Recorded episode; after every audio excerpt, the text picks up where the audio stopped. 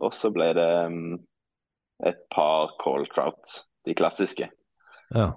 De har du kanskje sett. ja. Korallørreten, som jeg kaller den. Stemmer. det er helt uh, kan jeg, Hvis du spør mine venner, jeg kan uh, prate timevis om uh, feil navngivning av fisk. Et stort problem her nede. Ja. ja jeg, ser jeg har tenkt litt på det der om, om de egentlig har lov til det, å kalle fiskene for sånne ting. jeg mener nei. Ja. Fordi det skaper forvirring overalt. Og det er bare sånn Én ting er coral trout, som da er en grouper. Mm. Og så har du de, kaller de, de har sånn orange spotted grouper nede her, som kan bli sånn 50 kilo. Hva kaller de den? Orange cod? Eh, nei, de kaller den estuary cod. Ja, estuary cod. Ja, og så har de òg black spotted cod. Begge de to er en grouper. Det, det er bare sånn Hver eneste fisk har et lokalt navn hvor de bare valgt et random fiskenavn fra Europa. Mm. så bare satt på den. Ja. ja, det var jo sikkert uh, det de gjorde da, for sikkert for 200 år siden. og så så så de på den, og så kalte de bare for cod. Ja, ligner litt på en cod på kanskje en bitte liten del, og så Sånn har det blitt. Og så var det en som sa sånn Nei, jeg ligner ikke i det hele tatt. Så sa han Har du lyst til å finne navn på alle fiskene her? sa han. Så var han sånn. Ingen, ingen som gidder å starte på ny uh -uh. når det første er gjort? Nei. Ja, jeg syns jo jeg synes spesielt at de kaller noe annet for cod. Jeg føler den, Det er jo den atlantiske torsken som er torsken, på en måte. Ja, 100% Velkommen til Havkontoret. Mitt navn er Øystein. Jeg er sosionom, musiker og undervannsjeger. Denne podkasten er en serie intervjuer der vi snakker om havet. Det blir fridykking, men også fisk, fiskeri, miljøvern, bærekraft, jaktteknikk, skalldyr, matlaging, våtvett og livsnytelse. Hvordan får en nok tid på sjøen, i en travel hverdag med jobb og familie? Er det håp for torsken i Oslofjorden? Hvordan står det til med kveitebestanden i Sunnhordland? Er det lyren som er dum, eller er det vi som er det? Hvor finner en kamskjell, og hvor mange skal en ta? Hvordan får en kresne unger til å spise fisk? Og hvem er havets fasan? Hvordan får du øye på han? Bare overflaten. Et lite jubileum. Tiende episode i dag. Vi skal møte Eivind Larsen fra Forsand. Men først vil jeg takke alle som har vært med so far. Endre, Mikael, Elisabeth, Ørjan, Jørn Inge, Kristian, Joel, Kristoffer og Afif. Også takk til uh, Dicky Buddies Kristian Tonnem og Kristian Ueland, som uh, jeg fikk testintervjuet før jeg satte i gang. Ja, og til Bent Terje for støtten. Han var min første lytter. Han passer på at uh, lyden er bra. Takk også til Shrek i min favorittpodkast Noob Spiro. Der har jeg også vært så heldig å få være gjest. De har laget en bok som heter 99 Spiro Recipes. Den er å finne på Amazons og på noobspiro.com sin ja, nettsiden deres. Den går an å bruke med våre fisker òg. Takk også til min kjære forlovede Hanne, som lar meg dykke så mye som jeg gjør. Ok, så vil jeg komme med et tips til alle damer. Norges Dykkerforbund arrangerer UV-jaktsamling for kvinnelige fridykkere på Hitra i Trøndelag 11. til 14. mai. Nå er det to ledige plasser igjen. Der uh, de, får de instruksjon i undervannsjakt av Elisabeth Fosstveit og Lydia Vukic fra landslaget. Påmeldingsavgiften er på 1500 kroner, og det inkluderer reise, mat og overnatting, så det er en ganske sweet deal. Yes, og nå har jeg opprettet en profil på Patrion. Der kan de som vil signe opp for å støtte meg med en slant. Det er gøy det her, men det er litt, arbeid. Jeg tror kanskje jeg bruker ca. seks-syv timer på hver episode med innspilling og klipping og publisering og sånn. Der er det to forskjellige nivåer. Det er da Chommy og Museen. Så gå inn på patrion.com slash havkontoret og sjekk det ut. Altså På museennivået skal jeg bl.a. legge ut oppskrifter til retter som vi snakker om i podkasten. Yes, og så må dere huske å følge Havkontoret på Instagram og Facebook. Ok, tilbake til dagens intervju. Det var en som kalte seg for Spiro Fjords, som la Havkontoret til på Instagram. Og på profilen var det bilder av mange flotte, store tropiske fisk. Så jeg ble naturligvis uh, nysgjerrig. Det viste seg å være Eivind Larsen fra den lille bygden Forsand i Ryfylke. Han studerer marinbiologi i Townsville i Queensland i Australia. Og eh, han er stor på TikTok, men han er er òg en eh, hyggelig, jordnær og artig kar. Så snurr intervju. Yes, Eivind. Nå er klokken Hvor mye er klokken? Nå har akkurat klokka bikka seks her nede. Ja. Skal du ut og dykke i dag? Jeg skal ikke ut og dykke i dag. Skulle gjerne ønske det, men uh, dessverre. Men um, hva, hva gjør du i Townsville utenom å dykke? Godt spørsmål. De fleste ville nok sagt at det er det eneste jeg gjør, men eh, Ja. jeg går nå Jeg studerer òg på papiret. Ja. Ja. Så jeg studerer eh, marinbiologi på James Cook Uni. Og så um, Ja, det blir litt studering og mye dykking. Det er det Ja. går i. Var det derfor du valgte å studere i Townsville?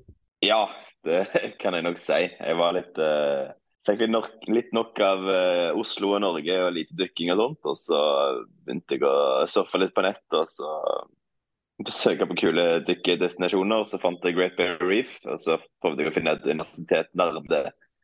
Og da endte jeg opp her. Ja. Hvor lenge er det siden, da? Mm.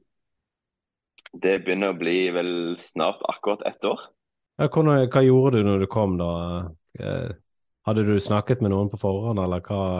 Jeg hadde, jeg hadde skjønt fra andre som var nede, som var nede at det er Mhm. egentlig det er en veldig kul dykkeplass, men det er vanskelig å komme seg ut. Ja. Fordi revet er mm, nesten to timer med båt fra Tansvill. Uh -huh. Så du må kjenne folk. Så jeg hadde begynt å prate litt på nett med noen som jeg visste var, nede, var her nede og dykka. Så når jeg kom ned, så tok jeg egentlig kontakt med de igjen. Og så hadde det vist seg å være gode venner, eller blitt gode venner. Så nå er det litt enklere å komme ut. Ja. Fortell om uh, siste turen du var ute. Det var når jeg prata med deg når var det? Ja, siste uke. Uh, Dykkinga her nede kan hovedsakelig deles inn i to hovedkategorier. Så er det på en måte inshore og så er det outshore. Mhm. Um, inshore er alt som er på en måte i estuaries, eller sånn uh, veldig gjørmete vann. Um, det er veldig, du, må, du må nok en 50 km ut fra Tansvill for å finne god sikt. Mhm. Så det er på en måte alt som er dykking innenfor der. Um, og da dykker du i sikt som er en god del, god del dårligere enn hva vi vant med i Norge. Da er det ofte, hvis, du får to, hvis du får to meter sikt på bånn, så er det god sikt. Så det er litt mer eh, For meg som er nordmann, på seg, så er det en del skumlere. Ja. Det er litt mer eh, Du har litt mindre kontroll på haier og krokodiller og alt de skumle sakene, fordi det er så dårlig sikt. Mhm. Men det er òg du finner vanvittig mye kul fisk og vanvittig mye hummer. Det er vanvittig mye liv òg, selv om det dårlig sikt ikke ser så fint ut som det er ute på revet. Hva er det etter sånn eh, barramundi? Er det sånn eh, du kan finne, kanskje? Stemmer, stemmer. Så eh, hoved, eller vår target species, eller den, det vi var ute etter, er hovedsakelig barramundi. Nå har Mm. sesongen akkurat åpna. mm. som er en vanvittig god spisefisk. Eh, han er òg vanvittig, kjempevanvittig hardt, og så er han vanskelig vanskelig å finne. Mm. Så det er på en måte veldig høyt, høyt oppe på lista her oppe. Og så finner du han veldig ofte på Du har nesten ikke sjans til å finne barmundien hvis du ikke vet hvor han er. Eh, Det er vanskelig å forklare, men absolutt eller sånn, Det er 100 km ut av revet, og absolutt alt er bare sambånd. Mm. Ingenting annet. Mm. Så når du først får en bitte liten struktur som Mhm. ligger på den sandbånden, om det så er en del av en båt som stikker en halv meter opp fra sanden, mm. så tiltrekker det seg så vanvittig mye fisk. Mm. Så du kjører egentlig rundt og leter etter vrakrester eller eh, en liten stein, eller noe som jeg ikke visste om før jeg kom ned her. Men eh, vi har også sånn Jeg vet ikke om du har hørt om wonky holes? Tror ikke vi har det i Norge. Nei. For det er sånn sprekninger i Jeg tror det er sprekker i ikke om jordoverflaten, men iallfall grunnøverste laget på jorda. Som gjør at det lekkes ferskvann inn. Mhm. Så plutselig du kan dykke 50 km ut, og så plutselig det er bare et bitte lite hull så det kommer ferskvann ut av. Mhm. Og et eller annet, av en eller annen grunn så elsker, elsker fisk å henge rundt der. Ja. Det er jo noen fisk som liker ferskvann, sånn som de, eh, de der um, havabborene her i landet. De skal visst finne sine der som det kommer fer- ferskvann ut. Ja, stemmer. Da er det sikkert et eller annet, eh, sikkert samme greia. Og så er det mange av de fiskene som lever i eh, inshore, eller eh, i det skitne vannet, som har store deler av livssyklusen sin i ferskvann. Mhm. Så Det går liksom opp og ned og opp og ned, og så av en eller annen grunn så liker de å henge rundt i ferskvannskildene. Mm. Så det, det er de vi hovedsakelig leter etter. Når jeg var ute siste uka, så Det ble ingen barramundi. Jeg så én, men da var det under en meters sikt. Så da, du treffer på en med hodet før du gjør med harpunen, holdt jeg på å si. Ja, men vi skjøt en del um, queenfish. Uh, en på seks kilo og en på åtte kilo. Mm. Som er vanvittig, vanvittig aldri skutt før. Men vanvittig god sashimi og ceviche og tartar. Alt Mm. sånn fer ferskfiskretter. Ja. Så det ble spist mye det av det siste. Og så ble det um, et par cold trout, de klassiske. ja. De har du kanskje sett. Ja, Korallørreten, som jeg kaller den. stemmer. det er helt uh, kan jeg, Hvis du spør mine venner, jeg kan uh, prate timevis om uh, feil navngivning av fisk. Et stort problem her nede. Ja. Ja jeg, jeg har tenkt litt på det der om, om de egentlig har lov til det, å kalle fiskene for sånne ting. jeg mener nei. Ja. Fordi det skaper forvirring overalt. Og det er bare sånn Én ting er coral trout, som da er en grouper. Mm. Og så har du eh, de, de, de har sånn orange spotted grouper nede her, som kan bli sånn 50 kilo. Hva kaller de den? Orange cod? Eh, nei, men de kaller den estuary cod. Ja, estuary cod. Ja, og så har de òg black spotted cod. Begge de to er en grouper. Det, det er bare sånn Hver eneste fisk har et lokalt navn hvor de bare valgt et random fiskenavn fra Europa. Mm. så bare satt på den. Ja. Ja, det var jo sikkert eh, det de gjorde da, for sikkert for 200 år siden, og så så, så de på den, og så kalte de bare for cod. Ja, Ligner litt på en cod på kanskje en bitte liten del. Og så Sånn har det blitt. Og så var det en som sa sånn Nei, jeg ligner ikke i det hele tatt. Og så sa han Har du lyst til å finne navn på alle fiskene her? sa han. Nå er det han sånn. ingen, ingen som gidder å starte på ny uh -uh. når det første er gjort. Nei. Ja, jeg syns jo jeg synes spesielt at de kaller noe annet for cod. Jeg føler den, Det er jo den atlantiske torsken som er torsken, på en måte. Ja, 100% Det er ikke noe, ikke noe tvil. Og jo, Jeg studerer jo marinbiologi her nede òg. Ja. Og det gjør jo navngiving og, og forskning og sånt veldig forvirrende. Ja. Når du skal finne artikler på ting, og folk henviser til ting, og så er det bare Alle navn blir bare blanda. Det er bare kaos. Ja. Ja, nei, det er jo Det er jo sikkert sånn innenfor de fleste felt, egentlig. Nei. Men eh, hva Fortell om noen kule opplevelser du har hatt ute på, ute på revet, da. Kule opplevelser på revet. De, eh, de begynner det å bli mange av. Great Bear Reef, når du kommer deg litt vekk fra de turistplassene, Mm. så er det bare helt sinnssyke mengder liv og kule, store fisker. Og første, jeg husker første tur, da skjønte jeg ikke hvor stort det var akkurat da. Mm. Um, første tur ute, så jeg nesten Jeg har sett hai og sånt før, men jeg har liksom nesten aldri dykka med hai. Kommer ut, og så holder vi på med en type fiske som heter drifting. Som er liksom blue water drifting. Så du kaster Du kutter opp Du skyter en eller annen fisk som hvor populasjonene har det bra, en trevally eller noe sånt, som de ikke skyter så mye av. Og Så kutter du den opp, Ja. og så kaster du biter ut bak båten, og så ligger du bare og reger over, over korallområder i sånn 40-50 meters dybde. Og så husker jeg bare første gang liksom når eh, bullsharksene begynte å komme inn Mm. og begynte å spise. Og liksom de, de kommer nærmere, og de har ikke noe Det har ingenting imot deg, så lenge du ikke prøver å ta fisken deres, holdt jeg på å si. Så Mm. ligger de under deg og spiser restene. Og så har du um, en fisk som veldig ofte følger med bullsharks, det er cobia, Mm. som er veldig god å spise. Så den ligger Mm. bare, den hele livet sitt bare følger han etter andre og spiser alle rester. Som er veldig, veldig god å spise, ja. Og så husker jeg første gang jeg skjøt en. Når liksom Bullshucken kom opp, og så snudde han seg, og så var cobiaen på andre sida. Og så kom cob, fortsatt bare cobiaen mot meg. Mm. Og tok det skuddet. Stone shot. Helt ferdig. Da var jeg på sånn Wow, nå er jeg på rett plass. Dette likte jeg. Mm. Samme tur så møtte vi òg på, på Det var på 15 meter dybde. Møtte vi på en sånn 6-7 meter lang hvalhai som bare majestetisk bare cruiser rundt. Brydde seg ikke om oss i det hele tatt. Så vi svømte med den i over en halvtime. Og bare Ja, ja det er kult. Det, er mye liv. Da dykker dere bare i, i tremildrakt, da, når dere er ute i det vannet. Hva er temperaturen? jeg tipper fra eh, 26-20 grader til 32-33 på det varmeste. Så på når det, det blir omvendt fra Norge, men vi går jo mot vinter her nede nå. Eh, og når vi går mot vinter, så er det på med 3,5 millimeter drakt. Men gjennom sommeren så har vi bare brukt sånn stingersuits. Om det er en millimeter eller mindre. Ingenting neopren. Bare som har en eh, tekstil over kroppen for å beskytte seg mot eh, maneter og sånt. Og da har du ingen bly nesten, da heller, da?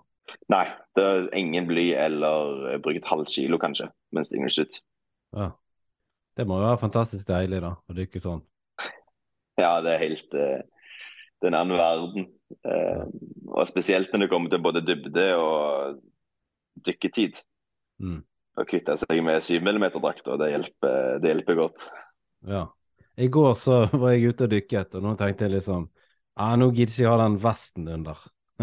Jeg droppet den i går. Ja, uh, og så hadde jeg fem 5 mm hansker, jeg droppet de 7 mm vottehanskene. Og så hadde jeg 7 mm sokkene på for første gang i år. Eh, Ja. Og det var utrolig deilig, jeg følte meg veldig sånn fri. ja, ja. det. Men det ble jo sykt, sykt kaldt, da. Det ble jo Det var litt for tidlig. ja, jeg skjønner. Hva er temperaturene Du dykker i bergensområdet, var det sånn? Ja, bergensområdet, Ja. Jeg er vet ikke, jeg har ikke sånn, jeg har ikke sånn uh, termometer på klokken min, så jeg er ikke helt sikker. Jeg lurer på om det var en kamerat av meg som sa det vært en annen plass som sa det var syv grader, så det er jo sikkert ikke så langt ifra det. Nei, det er jo ikke, det er ikke veldig varmt. Nei. er det noe fangst? Eh, det ble bare en torsk som var ikke helt frisk, Ja. så den eh, fikk ikke så lyst til å spise. Det, Nei, det er ikke noe godt. så det ble litt sånn halvhjertet chuming, da, sånn som du snakker om. Men eh, Ja. jeg tror han bare drev av gårde. Men det er egentlig ikke noe vits å holde på med sånne ting her hjemme, egentlig. Nei, jeg har aldri Du har aldri fått noe nytte av det? Eller har du prøvd? Jeg har aldri prøvd sånn systematisk. Men det er vel ikke Jeg har tenkt tanken om å gjøre det hjemme òg, men det er vel ikke så veldig mange råfisker som jakter sånn Jeg ser ikke helt for meg at det funker. Kanskje litt på lyren eller på seien i Steam.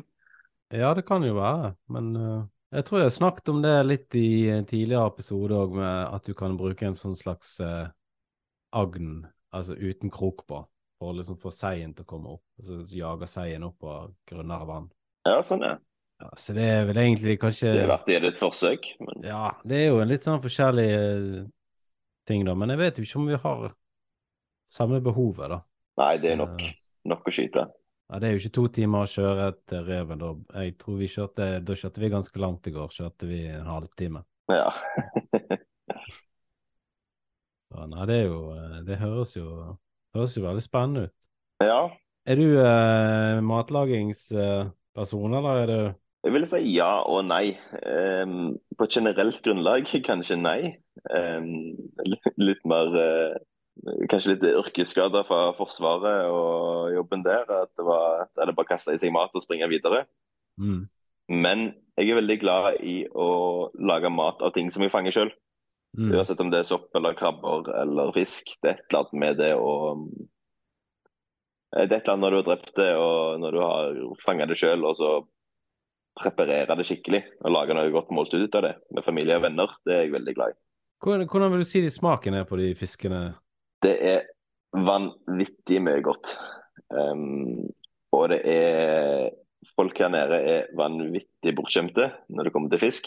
Fordi hvis du tenker deg Jeg vet ikke, jeg tipper det er sikkert 200 veldig, eller spisende fiskearter på revet, og folk spiser fem. Det er liksom Det er coral trout, det er red emperor, det er cobia, det er spanish mackerel. Det er det de spiser. Um, men hvis du ser resten av verden, så spiser du alle andre artene òg. Mm. Og jeg har gjort det som litt min oppgave her nede, å skyte litt rare ting òg. Og spise de. Og ikke nødvendigvis rare ting, men ting som folk ikke spiser her nede. Mm. Um, som er vanvittig godt, og litt mer sustainable òg. Og ikke bare at alt presset havner på de samme artene. Men jeg tipper at veldig mye fisk her nede er veldig sånn De er veldig glad i sånn fast hvitt kjøtt. Jeg vil sammenligne en del med piggvar, mange av de. Det er litt mot det er sånn, Hvis du koker det riktig, eller ikke koker det riktig, hvis du steker det riktig, så blir det det blir veldig mørt og faller fra hverandre, samtidig så er det holder den sånn den fastheten. og litt sånn, For lyren blir veldig, jeg er veldig glad i lyr, men den blir litt sånn litt våt og litt stor flakete, på en måte. Mens fisken er nede med med fastere og med hvitere kjøttet og litt mer sånn skalldyrsmak, på en måte. Eller ingen smak. Så litt sånn breiflabb, kanskje? Jeg har ikke spist så mye breiflabb, men eh, jeg kan se for meg at den smaker relativt likt som mange av artene her nede. Ja. Den, vet den der, eh, Jeg tror ikke de har den i Australia, men de har iallfall den i New Zealand, den uh, St. Petersfisken. ja, stemmer. Ja. Den er jo uh, Den er veldig sånn fast og hvit og Ja, den er kjempegod. Den spiste jeg i Vi fikk den i garn en gang på hytta for ti år siden. Men uh, den husker jeg var god. Den har vel begynt å komme til Norge òg igjen? Eh, Ja, jeg eh, fikk flere sånne i, i høst. I fjor. Og så sommer, seinsommeren og høst. Å, kult. Så det Det st- Stilig, stilige fisk, men de, de ser enkle ut å skyte. Ja, hvis du får dem på siden. Ja. Og så hvis jeg er rett på, så er det jo nesten umulig. ja. Det skjønner jeg. Jeg husker en gang jeg har liksom rota meg ned på sånn 15-16 meter en gang, og så sto jeg og så på en sånn. Jeg hadde egentlig lyst til å begynne å svømme oppover igjen. Og så bare Snu deg, snu deg. Han ville ikke snu seg. Prøvde jeg da, og skjøt og bommet. ja. Det blir vel nokså smalt, eh, smalt mål. Det blir som på en måte en slags sånn stein, saks, papirlek eh, i undervannsjaktformat. Så det er digg. Ja. Men hva, eh, hva var det du sa du studerte? Marinbiologi? Stemmer. Ja, så da er du litt up to date da, på liksom fiskerisituasjonen og sånne ting der nede? Eh, ja, det vil jeg si. Ja. Hvordan gjør de det der? Med,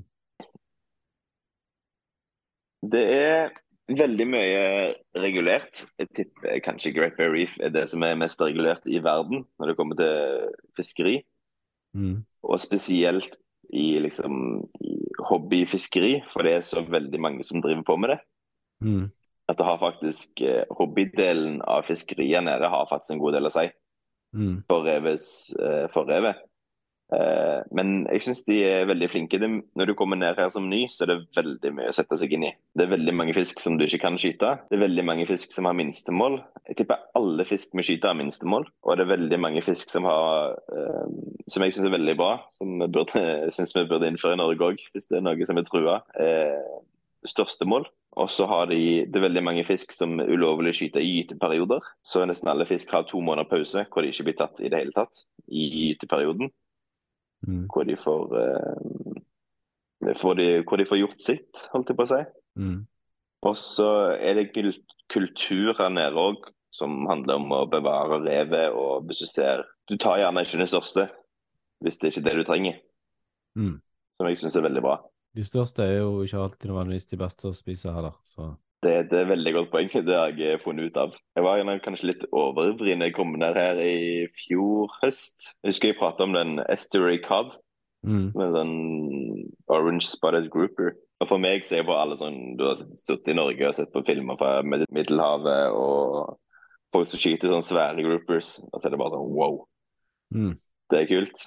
Så dykka jeg ned i to meter sikt, så så jeg en komme mot meg. Og så jeg bare wow, det er liksom drømmefisk. Skyter den, og så kommer jeg bare opp, og så begynner folk å le. For det er, liksom, det er så mange av de, og det er liksom Hva skal du gjøre med 15 kilo grouper-kjøtt, holdt jeg på å si. Men eh, det ble gode fisketaco i noen uker. Det ble det. Ja, nei, jeg har jo sett en del eh, videoer, så jeg vet jo Jeg har jo hørt om Estuary Cod før. Men hvem var det som snakket om det? At det var Kanskje det var han uh, Shrek som snakket om den? Ja, han fra Noob Sparrow. Ja, ja. At det var en fisk som ikke var så veldig populær å spise, men som var litt undervurdert. Ja, for det er sånn Det er litt òg med at de er litt bortskjemte der nede. For det er alle andre, alle andre plasser i verden så er orange spotted grouper Jeg tror den finnes nesten i hele verden. Eller alt på samme hva det kalles, samme bølgegrønne i Breddegrad. lengdegrad, breddegrad, breddegrad, takk. Og det, det er en grouper. Den er vanvittig fast og fin i kjøttet. Hvitt kjøtt. Kan Mm. brukes til alt.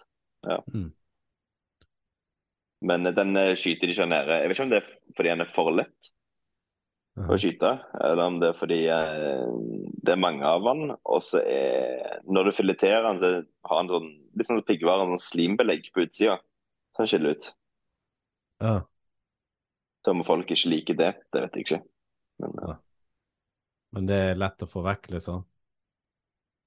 ja, så lenge du fileterer på normal måte og ikke tar liksom kjøttet ned i slimet etter du har tatt av skinnet, Mm. så er det ikke null problem. Nei, det er jo ikke Det er ikke noe nødvendigvis noe sammenheng med hvor god fisken er, hvor vanskelig han er å få tak i. Noen ganger sier han det, da. Så piggvar, det har jeg aldri eh, fått. Eh, Nei, jeg har sett en en gang, men den var veldig liten, så og du har, du har leita etter den òg? Ja, sånn eh, um, Jeg vet ikke om jeg er liksom sånn flatfiskekspert. Du krever Du må være litt mer tålmodig, tror jeg. Hvis du skal liksom Vi har snakket om det før, at det kanskje kan være litt sånn Enten er du en litt sånn pelagisk person som går Ja. ut i strømmen og venter på at de skal komme forbi, eller så er du sånn som svømmer over store sandområder for å finne flatfisk. Det blir jo, Jeg er glad i flatfiskjakt, jeg òg, men det blir jo veldig monotont i lengden. Ja. Er det flatfisker der nede òg? Det fins én art som jeg vet om, som jeg ikke har sett. Uh Men du har eh, noe som kalles flathead, som er på en måte som du tar en normal fisk, og så klemmer du den flat. En torsk, på en måte. Ja. Så hodet er veldig flatt, og så er kroppen eh, normal eh, fisk. Som har tatt over nisjen på en måte her nede til, flatt, til flyndren. Oh, ja. Så den ligger på bånn og graver seg ned, og munnen Det ligner på mange måter på en eh, breiflabb, bare mindre. Oh, ja. Sier de, sier de det at han har faktisk gjort det? At han har liksom tatt over? Ja, om ikke tatt over, så har han iallfall eh, hatt Han har tatt samme, samme nisjen, på en måte, og spiser de samme tingene som flyndrene gjør andre plasser. Så det er egentlig en vanlig fisk som på en måte har blitt mer og mer sånn skeiv, og så til slutt har han liksom Ja, eller eh, den uh, hjemme har jo på en måte blitt skeiv, mens denne her har blitt flatrykt flattrykt. Å ja, den har blitt flat, ja. Ja. ja. Ja, ja, det, Så de har eh, ja, Hva blir det neste? to, forskjellige veier, to forskjellige veier til samme mål. Nå begynte du med dykking nå. Eh, jeg begynte faktisk med dykking i helt i slutten av 2019. Mhm, Tror det, første dykket mitt hadde, tror jeg hadde lille julaften 2019. mhm. Um, som er helt, eh, for meg som helt, eh, det er helt spesielt. Jeg er oppvokst med havet og fiska hele livet mitt. Og så jeg, av en eller annen grunn så har jeg bare aldri kommet på eller skjønt at fridykking er en greie i Norge. Og så møtte jeg en type i Colombia som uh, holdt på med spearfishing. Ja. Og da var jeg bare sånn Oi, dette her, eh, dette her må jeg gjøre i Norge. Så begynte jeg å google litt på det, og fant ut at de selger jo faktisk dykker og styr til norske forhold. Bestilte det mens jeg var på reise. reise. Så når jeg kom hjem til Norge lille julaften og 2019, så var det én time hjemme og si hallo til familien etter et halvt år. Og så var det hoppa uti ut uti å prøve mitt første dykk. Ja. Hvor var det du dykket da? Ikke om du har hørt om Forsand? Uh, Liten plass i Ryfylke. Inne med Prekestolen. Å ja. Inne i fjordene der. ja. Da, det starta ikke så veldig bra. Jeg, hadde, jeg husker mitt første dykk. Var jeg, har alltid vært glad i å spise bergult da jeg var liten. Så så jeg en OK størrelse på bergult. Dette er eh, kult med fisk på mitt første dykk. Hadde to, eh, to eh, 16 mm strikker på en eh, 90 cm harpun. Mm. Skjøt han rett inn i steinen bak berggylten. Pilen knakk. Oi sann.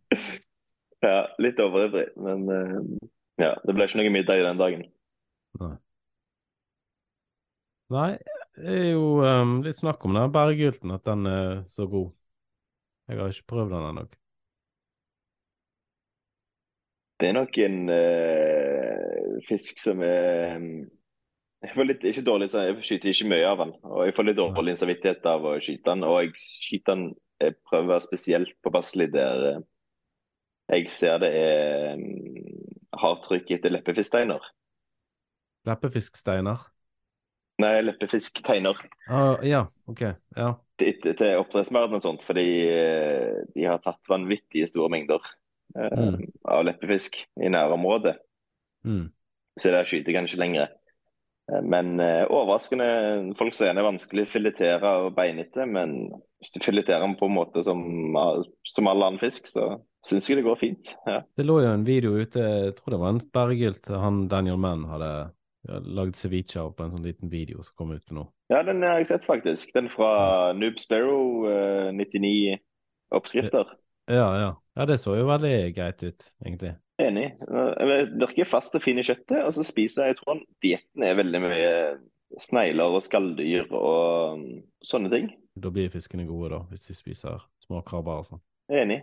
Jeg, har, jeg tok kjøtt skjøt en i høst som jeg skal ha det i en teine. Eh, de er jo De er veldig sånn eh, søte, da. De har litt sånn denne munnen.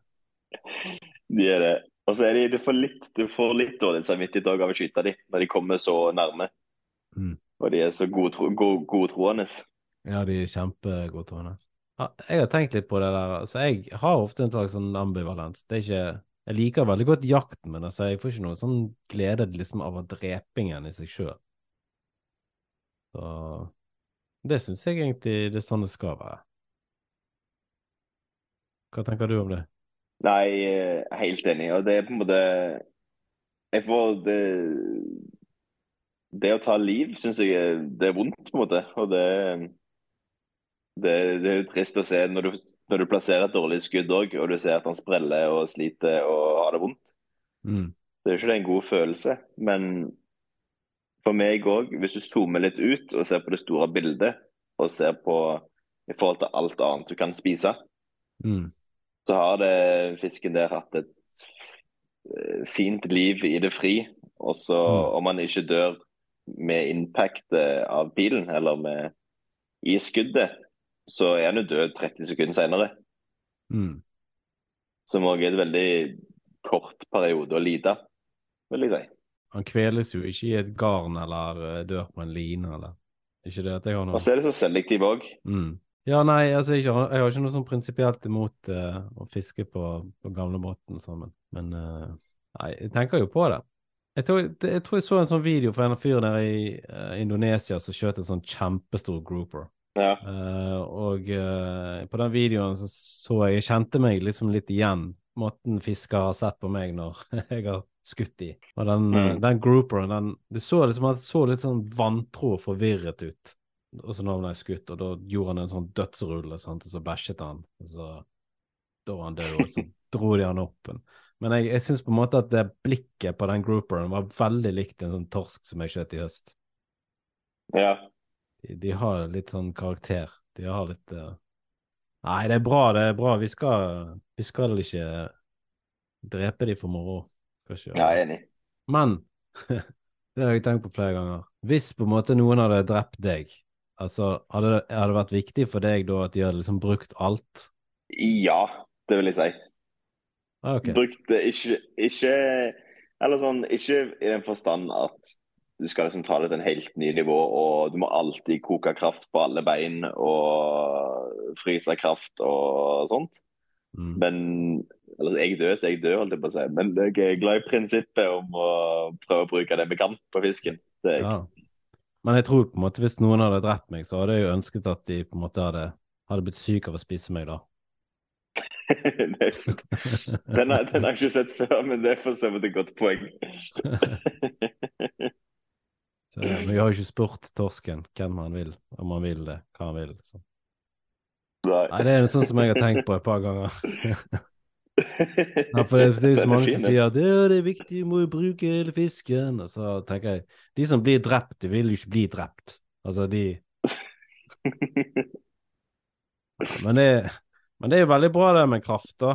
Det er jo eh, Jeg har liksom blitt litt sånn eh, satt på plass av min mor med akkurat det. Um, og da har det egentlig blitt litt sånn at uh, spesielt av og til jeg dykker før jobb en del, når jeg begynner seint på Ja. ettermiddagen. Og så pleier jeg av og til, eksempel hvis jeg får mye fisk, eller hvis jeg får eksempel to store fisk, så kutter jeg heller dykket litt før, sånn at jeg får tid til å liksom kjøre innom og levere fisken hos min mor. Ja. Og da får jeg det pakket, altså filetert, og eh, så koker hun kraft på beinene. Og så spiser hun liksom uggamålen, som hun kaller de. Det er liksom det der skjørtet liksom ned mot buken. Og så Ja. tar hun ofte hovene òg, liker hun godt. Så da får jeg liksom filet, og så får jeg eh, ferdig kraft i sånne bokser med, som er merket med noen lapper. Og det er jo helt sykt digg, da, med den kraften. Altså hva du kan gjøre med den. Det, det Ja. kan dere sikkert gjøre med de fiskene der nede òg, altså. Det tror jeg. Helt sikkert. Mm. Det tror jeg ikke jeg har eh, Jeg tror ikke jeg har hørt om en eneste australianer som har kokt kraft. Nei. Det er kanskje noe jeg bør eh, Først må jeg lære meg det sjøl, men Ja, men det er kjempeenkelt. sant? Du tar bare en stor kjele, sant? Og så tar du bare skinnet og alt beinet og, og det, det som du ikke har tenkt å spise, sant? bortsett fra liksom innvollene og sånn, det er jo ikke det, med da, men, men eh, skinnet og beinet og alt, og tar du oppi en, en gryte, og egentlig bare med vann over, og så salt. Du kan smakstilsette det med liksom hvitløk, for eksempel, eller noen grønnsaker. Så koker du det bare i liksom Jeg er ikke 100% sikker, men kanskje en halvtime. Og så siler du bare av. Du kan òg plukke ut kjøttet som ligger liksom Som detter av fisken på Det kan du òg bruke i masse forskjellige ting. ja. Men, uh, men iallfall den kraften som er igjen, den er jo full i masse smak og, og fett. Eh, så hvis du da bruker den kraften senere, så tar du eh, freser liksom løk og hvitløk i pannen, og så tilsetter du den kraften. Og så kan du eh, ha grønnsaker oppi masse digge ting, og så eh, lime og kokosmelk. Og så legger du da fiskekjøttet oppå slutten, så det bare trekker i, i den suppen. Det hørtes veldig godt ut, ja. Ja, for det, det er jo egentlig sånn Hørtes- folk lager fiskesuppe, da.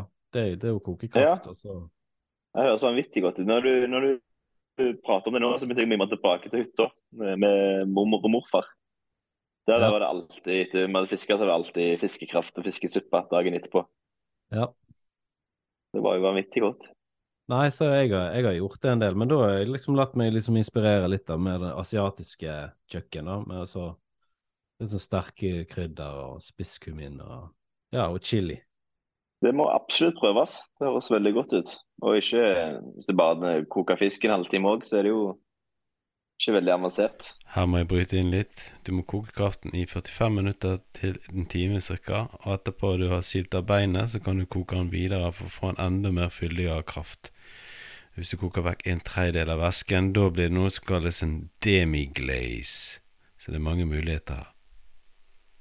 Ja, nei, det, det er jo sånn som du kan gjøre mens du Ja. liksom lager og Det er ikke det liksom at det, kan være litt stress, på en måte, men du får jo veldig mye igjen for det, fordi det, så, det blir så digg ja. mat ut av det.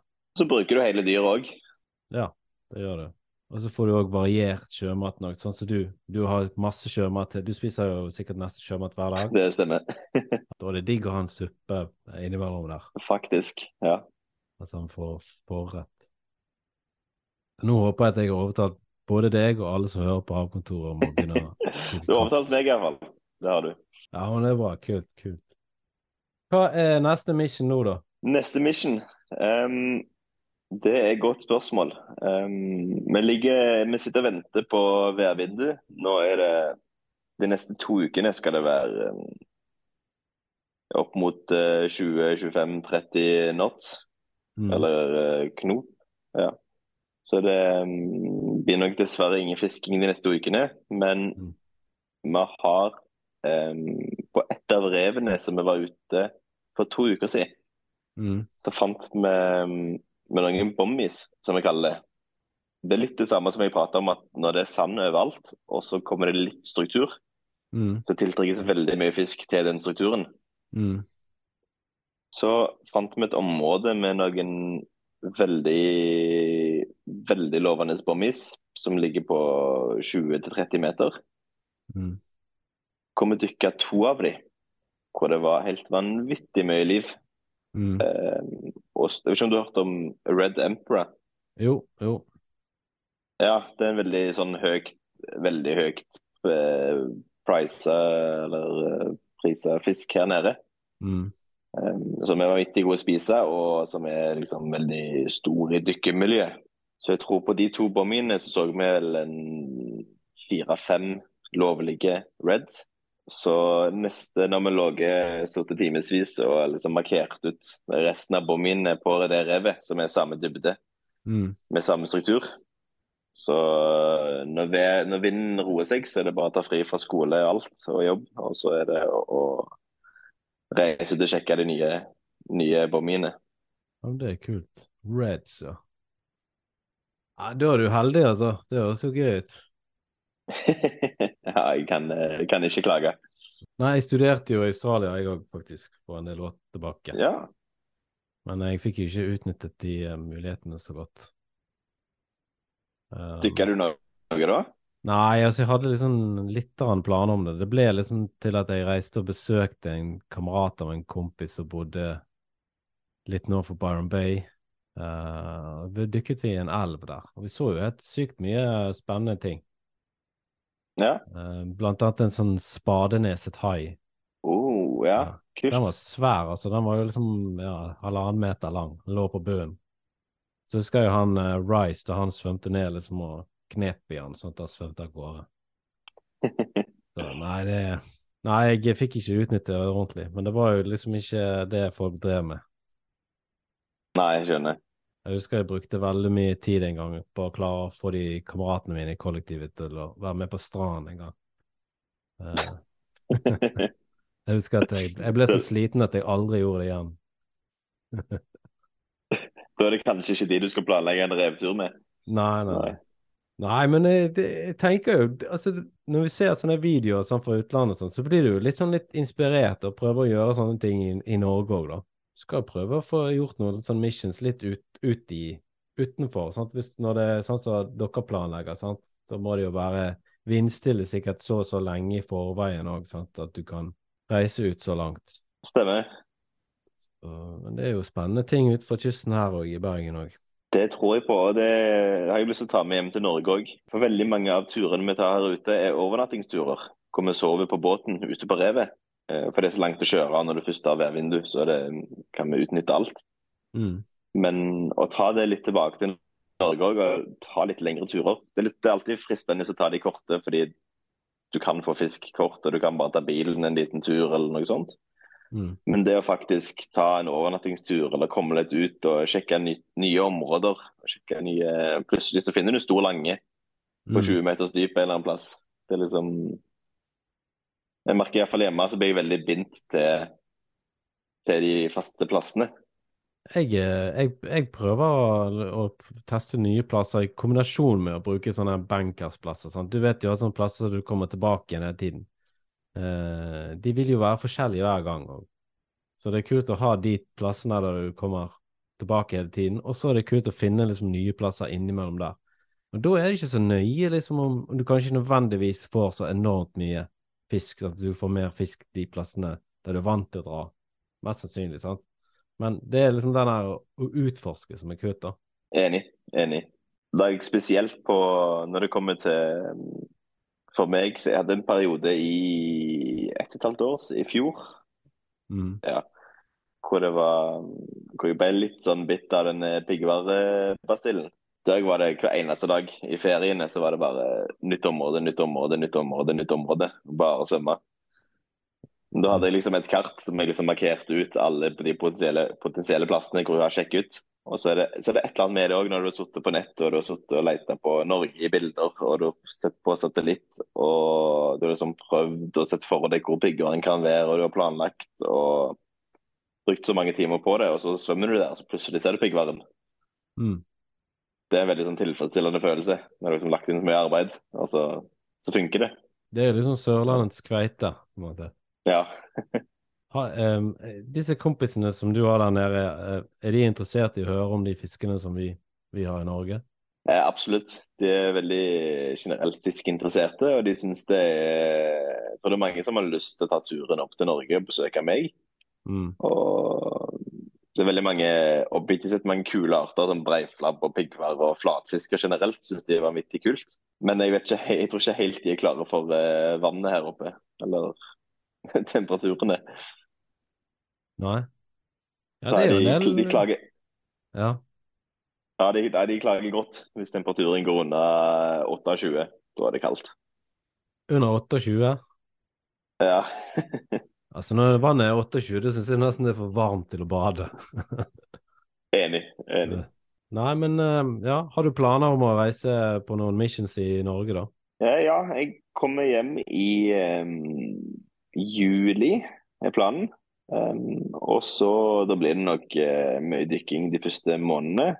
Og så er grovplanen å kjøpe seilbåt. Og så um, ta noen år og seile rundt. Prøve å eh, jakte andre plasser i verden som ellers er litt utilgjengelige. Det er planen, ja. Hvor lenge har du igjen av eh, studiene, da? Jeg er ferdig med studiene nå i juli. Ja, og da har du fått en grad i Det er et godt eh, spørsmål. Jeg, jeg studerer originalt på, Universitetet i Oslo på Mm. noe som kalles biovitenskap. Um, men jeg har tatt spesialisering og valgt kun marine fag her nede, så nå går jeg på det som er marinbiologi her nede. mm. Så jeg eh, blir uteksaminert med en bachelor i, i eh, biovitenskap med fokus på marinbiologi. Sånn på sånn. Ja. Så hva skal du bruke den til når du er ferdig, da? Det er et godt spørsmål. Eh, planen er nok å ta en eh, master i Norge etter hvert, men det blir nok noen år til. Men sånn, du har jo litt sånn eh, mediatekke. Hva skjer med det? Hva skjer med det? Eh, nei, det starta egentlig bare mm, Jeg kjøpte en GoPro eh, via jobb. Eh, Mm. og så var det sånn, ja, Jeg kan like så godt ta den med meg når jeg er ute og dykker. Det er mange som lurer på hva jeg holder på med. Mm. Og Så begynte jeg å filme litt, og så var det vel en eh, ekskjæreste som anbefalte bare poste det på TikTok. Um, og så, ja, ok. Tok det ikke lang tid før mange av de videoene eksploderte, holdt jeg på å si. Jeg fikk en god del millioner av views. Og så har det bare vært sånn sidehobby for å prøve å bygge et eller annet som jeg kanskje kan tjene litt penger på en eller annen gang i framtida. Så det har ikke vært så veldig økonomisk givende ennå, men uh, det er en del uh, gratis, litt gratis utstyr og rare tilbud her og der, og litt reiser. Og det har faktisk gjort at jeg kan komme kommet på en del båter i Australia. At det folk okay. har kontakt, kontakta meg og invitert meg ut og sånt. Ja. Og det viser du på en måte litt at du vet hva du holder på med. Det er litt enklere enn å invitere noen som er helt, helt grønne fra Norge. Men eh, det er bare et hobbyprosjekt på sida av. Ja. Men Hvis det er to timer å kjøre ut til eh, fiskeplassen, så trenger de jo mange kompiser for å være med og chippe inn på bensin. ja. Ja, men det er jo fett. Men eh, hva skal du lage filmer fra seilbåten, da? Det er planen, ja. Har litt, eh, sikkert lange dager å seile, så eh, har litt å holde på med. Men eh, jeg får se. Det er nok ikke noe jeg kommer til å satse all min energi for å si det sånn. Men eh, om det kan eh, få meg litt gratis ting og bli en liten sideinntekt sideinntekt i framtida, så er jeg fornøyd med det. Så hvis det er noen som hører på podkasten, så, så jeg samarbeider med deg, så kan de sende deg en melding og komme med tilbud. Absolutt. Det, jeg, tar, jeg tar imot det meste, holdt jeg på å si. Vi har en sånn eh, fast spalte som heter Lyr i frysen. Den blir jo litt uh... ja. Det har jo ikke du. Men hva har du Jeg har det Nei, jeg har, jeg har det ikke, holdt jeg på å si, men jeg tror uh, jeg fikk en melding nå for en uh, måned tid siden om at, fra mormor om at nå måtte jeg komme hjem. For nå var, nå var frysen tom for lyr. Jeg har hatt lyr i frysen nokså lenge, fram til sist måned. Hva, slags, eh, hva er liksom nærmeste du kommer lyr i Australia? Det er et godt spørsmål. Jeg vet ikke om jeg kan Sånn Kjøttmessig så vet jeg ikke om jeg kan eh, komme med noen gode sammenligninger. Men sånn em, kulturmessig så vil jeg kanskje sagt at cold trout er den som er nærmest. Den er alltid, den er alltid til stede hver eneste gang du går ut og dykker. Så kommer du til å finne den hvis du har lyst på den. Ja. Og det er god matfisk og enkel å skyte. Så det er på en måte den du Det er den, den basic fisken som du fyller opp frysen med for å ha noe å spise. Det er cold trout. Ja. Ja, men det var jo et uh, utfyllende svar, det. Ja, men uh, Vet ikke, er det noe spesielt du, du har lyst til å snakke om? Nei, ikke som jeg kom på. Ingenting uh, spesielt. Nei, men da eh, ses vi kanskje i Norge en gang, da. Dykking her Ja. på Vest Vestlandet. Det høres bra ut. Så det blir spennende Ja. å følge med videre. Altså, Ja, det skal jeg følge med på hva, hva du eh, finner i havet der nede òg. ja, du har fått en fastlytter. Det har du. Ja, nei, men det er veldig kult. å- Kult. Yes, da vet dere hva dere skal gjøre. Gå inn og sjekk ut Spiro Fjords. Jeg får eh, vann i munnen av å tenke på sånne hummere.